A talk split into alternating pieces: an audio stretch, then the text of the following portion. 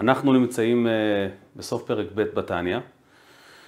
למדנו שיהודי, יהדותו היא לא מכוח החלטה שהוא קיבל, אלא יהדות היא תכונה, שנובעת מכך שלכל יהודי יש נשמה שהיא בעצם פיסה אלוקית, חלק אלוקה ממעל ממש. אלוקים לקח פיסה, ניצוץ מעצמו, וטמן בכל אחד ובכל אחת מאיתנו. ולמעשה זה דבר מולד, קיבלנו את זה בירושה מאברהם אבינו. ולכן כל יהודי וכל יהודייה נקראים בנים של הקדוש ברוך הוא, בנים אתם להשם אלוקיכם, כי באמת הדבר הזה הוא עובר בתורשה. וסיימנו את השיעור הקודם בשאלה, מה מידת ההשפעה של ההורים? כי בעצם כשחושבים על זה, הנפש האלוקית, הקדוש ברוך הוא מעניק אותה. הנפש הבהמית באה באופן טבעי, איפה החלק של ההורים? האם אין להם השפעה על הרכב הנפשות של הילד? אבל האמת היא שהשאלה היא יותר עמוקה. בואו נחשוב על זה רגע. למדנו שלכל יהודי ישנן שתי נפשות, נפש בהמית ונפש אלוקית. בכל החלטה שיהודי יצטרך לקבל, הם יתווכחו ביניהן. אבל הנפש הבהמית תמיד תצדד בהחלטה בהמית, והנפש האלוקית תמיד תצדד בהחלטה אלוקית. אז אף פעם לא תהיה הכרעה. מיהו הגורם המכריע בין הנפש הבהמית לנפש האלוקית? חייב להיות גורם שלישי. שכשהוא מקבל את ההחלטה הוא בעצם דן, והוא מחליט לאיפה לנתב את ההחלטה, לבהמית או לאלוקית. בעצם בעצם שתי השאלות מתמזגות יחד. מה החלק של ההורים ומהו החלק הבוחר בין שתי הנפשות. אדמו"ר זקן מזכיר את זה בסוף פרק ב', ככה בחצי שורה. הזוהר מדבר על כך שההשפעה של ההורים על הילד היא מאוד משמעותית. זאת אומרת, הצורה שבה ההורים בחרו להביא את הילד לעולם, בקדושה או בטהרה, או חס ושלום להפך, משפיעה על הנפש שלו. וזה מוזר לאור מה שלמדנו, כי בעצם ראינו שהורים לא יכולים לקבוע את היהדות של ילד או לגרוע מיהדותו. האדמו"ר הזקן מחדש חידוש נפלא. זה לא כתוב בפירוש בסוף פרק ב', הוא מזכיר את זה ברמז, אבל הוא, הוא מדבר על כך בהרחבה ביתר מאמרי החסידות, וזה מופיע בעוד uh, מאמרים אחרים של שאר אדמו"רי חב"ד. מסתבר שישנה נפש שלישית. נפש השכלית. כאן בתניא האדמו"ר זקן מדבר על לבוש. הוא בעצם משתמש במילים של הזוהר. ההורים בעצם לא מעניקים, לא משפיעים על מידת האלוקות של האלוקית או על הבהמיות של הבהמית, אבל הם כן מעניקים תוסף מיוחד לילד, נפש שלישית, שתכף נבין למה היא נקראת בשם לבוש, נפש שלישית שהיא למעשה נפש שכלית, ותפקידה היא להיות המכריע בין שתי הנפשות. מהי נפש שכלית? תקשיבו לשם של הנפש. בעוד הנפש הבהמית, מרכז הכובד שלה הוא תמיד אני, והאלוקית, מרכז הכובד שלה הוא תמיד עין, זאת אומרת, לא אני, אלא הקדוש ברוך הוא. ואם נעמיק, זה אפילו יותר עמוק מזה. ברור שגם לנפש הבהמית יש שכל. לבהמה יש שכל, בניגוד לצורך העניין לצמח. נכון שהשכל של הבהמה מראש מגויס לבהמיות שלה. בהמה יכולה להבחין בין סיטואציות. היא מבחינה בסכנה, היא מבחינה במשהו שהוא לטובתה. צריכים תודעה, צריכים שכל בשביל להתנהג כך. הנותן לסחבי בינה להבחין בין יום ובין לילה. אבל השכל הזה מגויס לטובת הבהמיות. הוא לא יוצא, הוא לא פורץ את העולם המצומצם של הבהמה. היא לעולם לא, לא תחפש משמעות לחייה ולא תשאל למה. מחשב. מחשב שמקודד לפי הצרכים הספציפיים. זו הבהמית. זה מה שהטבע מעניק. הנפש האלוקית לעומת זאת, לא רק שהיא אף פעם לא שואלת מה אני רוצה, זה בכלל לא שלנו, קיבלנו את זה מהאלוקים. מראש היא כל הזמן חותרת לצאת מכאן. היא חותרת אל הנשגב, אל מעבר לפיזיקה ואפילו מעבר לרוחניות. היא כל הזמן שואפת להידבק בחזרה אל מקור שורשה, אל הקדוש ברוך הוא. אלו שני הכתבים. בתווך יש נפש שלישית שנקראת נפש שכלית, והיא נפש שכל עניינה לשקול את הדברים בצורה לוגית מדודה.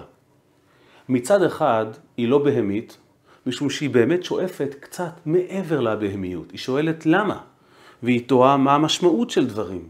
היא שואפת לעדינות ולמוסר, למצפון, מה שבהמה לא מעסיק אותה ביומיום. מצד שני, היא לא כמו האלוקית, שהיא שואפת להתקלל ולהתבטל כמו גפרור קטן בתוך אבוקה גדולה. יש לה את האני שלה, יש לה מרכז כובד, אבל מרכז כובד לוגי, מרכז, מרכז כובד מצפוני, מוסרי, תודעתי, אנושי אפשר לומר. לכל אדם יש נפש כזו. אז הנפש הזו, הנפש השכלית, שיש לה את האני הבהמי, אבל את העדינות האנושית, היא הנפש שההורים מעניקים לילד, והנפש הזו היא מתווכת בין הבהמית לבין האלוקית. כשאדם יושב לקבל החלטה, הבהמית מיד תחשוב על התמורה האישית ועל ה...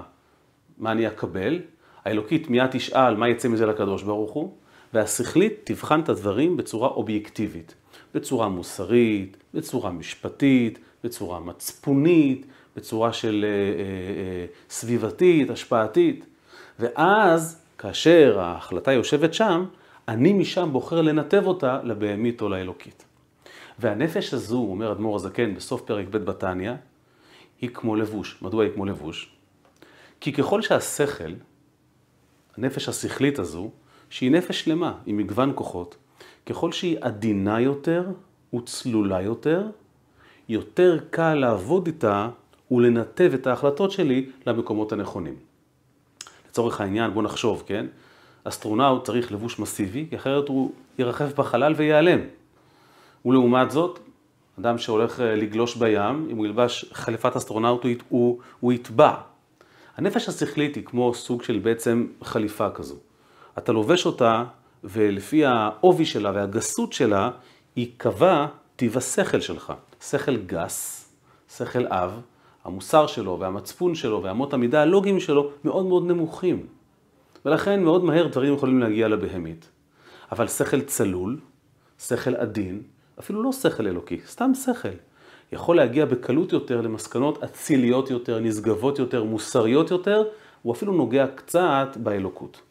אומר אדמו"ר הזקן, על פי הזוהר, כשההורים מביאים לעולם ילד, מידת הקדושה שהם משקיעים בהבאת הילד, או התאווה שהם משקיעים בהבאת הילד, היא בעצם קובעת את העובי, זאת אומרת, את, את מידת הצלילות והבהירות של הנפש השכלית. ילד שבא בטהרה לעולם, הנפש השכלית שלו תהיה צלולה ומוסרית וזכה יותר, וילד שהגיע לעולם מתוך סתם תאווה, יהיה לו שכל, אבל נפש שכלית גסה יותר, עבה יותר, ולכן קשה יותר לעבוד איתה. יתרה מכך, אומר אדמו"ר הזקן, לא רק ההחלטות שלנו עוברות דרך הנפש השכלית, אלא כל השפע שהקדוש ברוך הוא שולח ליהודים מהשמיים, בריאות ופרנסה, הרי אם תשלח אותה לבהמית, זה מיד ילך לאוכל ושתייה.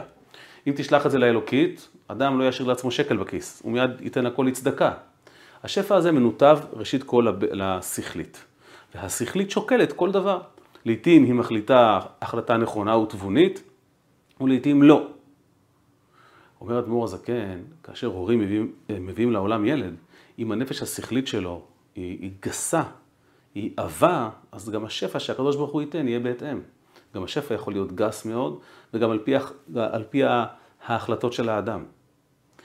זאת אומרת, יכול להיות שישנו יהודי עם נשמה מאוד מאוד גבוהה, עם פוטנציאל אדיר להיות באמת אדם גדול, אבל הלבוש שההורים העניקו לו, הנפש השכלית הזו, היא מאוד גסה, היא מאוד עבה, ולכן האדם הזה מתקשה לממש את הפוטנציאל שלו, הרוחני, הנעלה.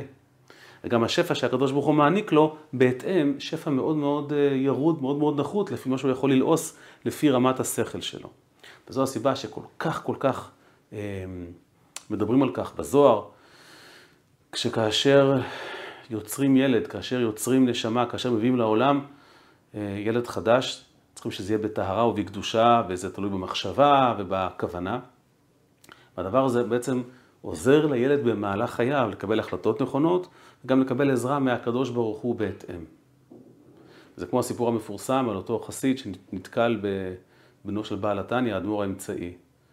וכשהם דיברו ביניהם, אז האדמו"ר האמצעי ככה התחיל לנזוף בו, זה מה שאתה עושה בחיים, אין לך זמן לתורה, אין לך זמן לתפילה.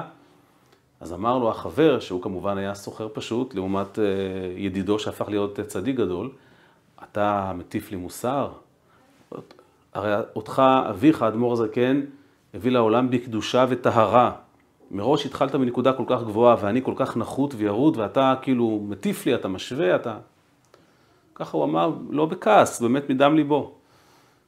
חלף יום, ואמרו לו שהאדמו"ר הזקן בעל התניא קורא לו. הוא הלך להתעלף, כי הוא הניח שהאדמו"ר הזקן ייתן לו מנה אחת אפיים על זה שהוא אה, ירד על הבן שלו. האדמו"ר הזקן קרא לו, ואמר לו, אני רוצה להודות לך. העמדת את הבן שלי על הרגליים.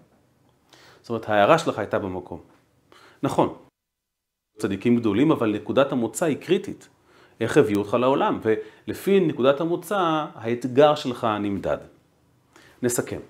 יהודי הוא יהודי הוא יהודי, משום שהקדוש ברוך הוא טמן בו משהו מעצמו, משהו אלוקי, וזה בלתי ניתן לשינוי. אף, אף, אף הורה יהודי לא יוכל לשנות את זה. הגוף שלנו, עם התוכנה שנקראת נפש בהמית, היא חיונית כדי לחיות.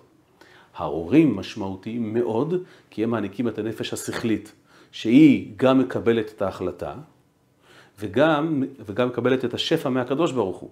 לכן כל כך חשוב איך מביאים לעולם ילד. עד כאן פרק ב' בתניא. אז פרק א' למדנו על שתי הנפשות, פרק ב' למדנו בעיקר על האלוקית, בסוף נגענו בשכלית, ועכשיו אדמו"ר הזקן ישים עדשה חדשה על המצלמה שלנו, על ההשקפה שלנו, ונצלול אל תוך האלוקית כדי להכיר יותר מקרוב את סך הכוחות שלה, את כלי העבודה שלה. כי נפש היא מילה גדולה. נפש היא מורכבת יותר מאשר חתיכה אחת. יש שכל, יש רגש. אז בפרק הבא אדמו"ר הזקן יכיר לנו את משפחת כוחות הנפש.